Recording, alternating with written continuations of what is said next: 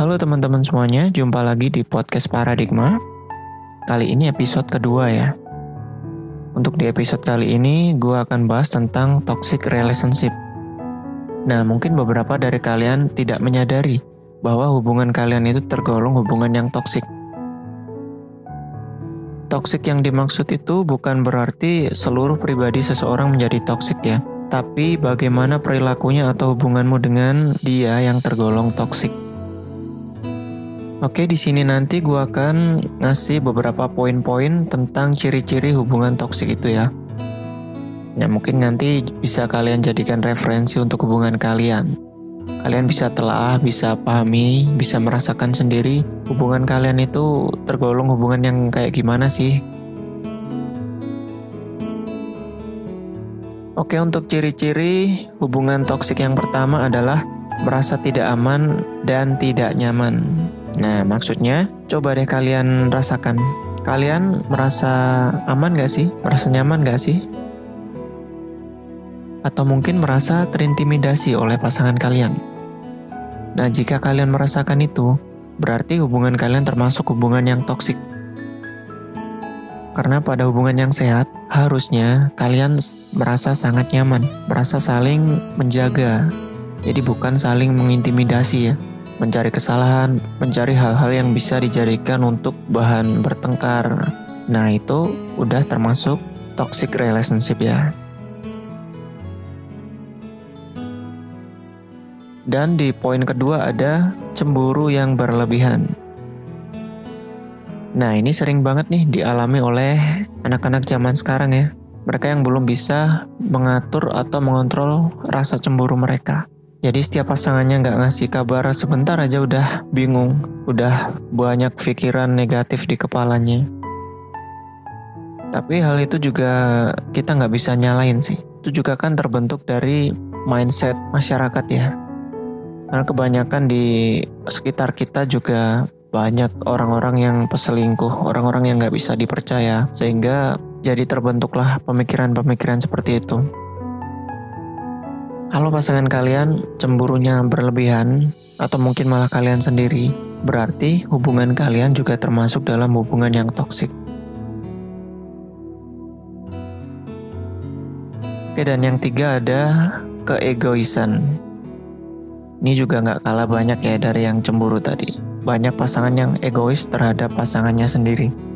Jadi istilahnya itu kayak mau menang sendiri, jadi dia boleh melakukan itu, tapi pasangannya nggak boleh. Tak hal apa aja itu, kalian pikir sendiri ya. Pasti kalian merasa deh di sini. Dan yang keempat ada ketidakjujuran dan sikap merendahkan. Jadi mungkin banyak ya dari kalian atau mungkin pasangan kalian yang suka tidak jujur terhadap pasangan kalian. Menyembunyikan sesuatu, entah itu hal yang salah atau tidak, Selama itu tidak jujur menurut gua sih itu salah ya. Dan lagi ditambah sikap merendahkan. Waduh itu jangan.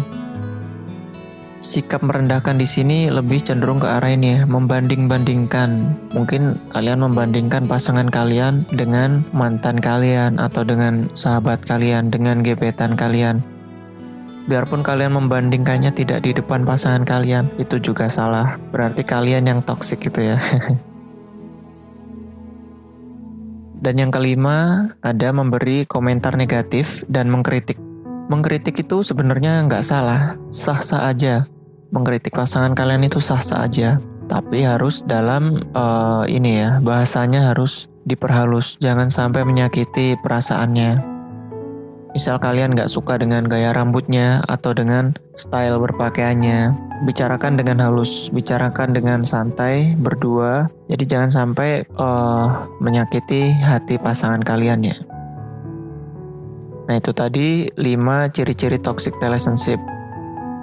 Untuk solusinya jika kalian memang berada dalam hubungan toksik, coba deh kalian ambil jarak sementara waktu untuk lebih memahami tentang situasi hubungan kalian dan uh, dinilai kembali tujuan dari hubungan kalian. Jadi coba deh merenung, tujuan kalian pacaran dengan pasangan kalian itu apa sih? Ada tujuannya nggak sih? Atau cuman sekedar untuk have fun gitu? Jika kalian pacaran cuman sekedar untuk have fun ya it's okay tapi kembali lagi pada kalian.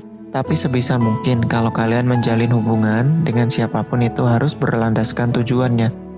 Jangan sekedar untuk uh, gojek pribadi atau hanya untuk seneng-seneng doang ya. Namanya pasangan itu istilahnya training sebelum nikah menurut gue. Jadi susah seneng ya bersama, susah seneng bareng. Biar nanti kalian setelah menikah nggak kaget gitu loh. Nah, jika hubungan kalian memang udah benar-benar terlalu toksik, kalian juga harus berani untuk mengakhiri hubungan tersebut. Tanamkan dalam diri kalian mindset ini ya. Kalian adalah berharga, jadi kalian pantas mendapatkan yang lebih baik dan yang lebih membahagiakan. Jangan hanya karena mencintai seseorang, kalian sampai lupa untuk mencintai diri sendiri. Itu salah ya.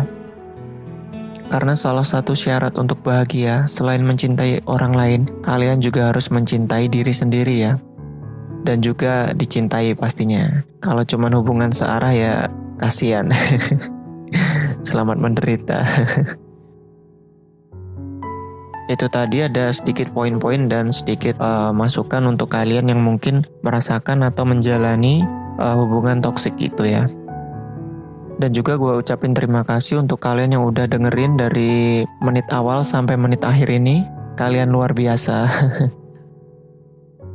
Oke, stay tune terus di channel ini karena banyak yang akan gue bahas ke depannya. Mungkin itu juga akan bermanfaat untuk kalian. Oke, see you on next podcast. Bye.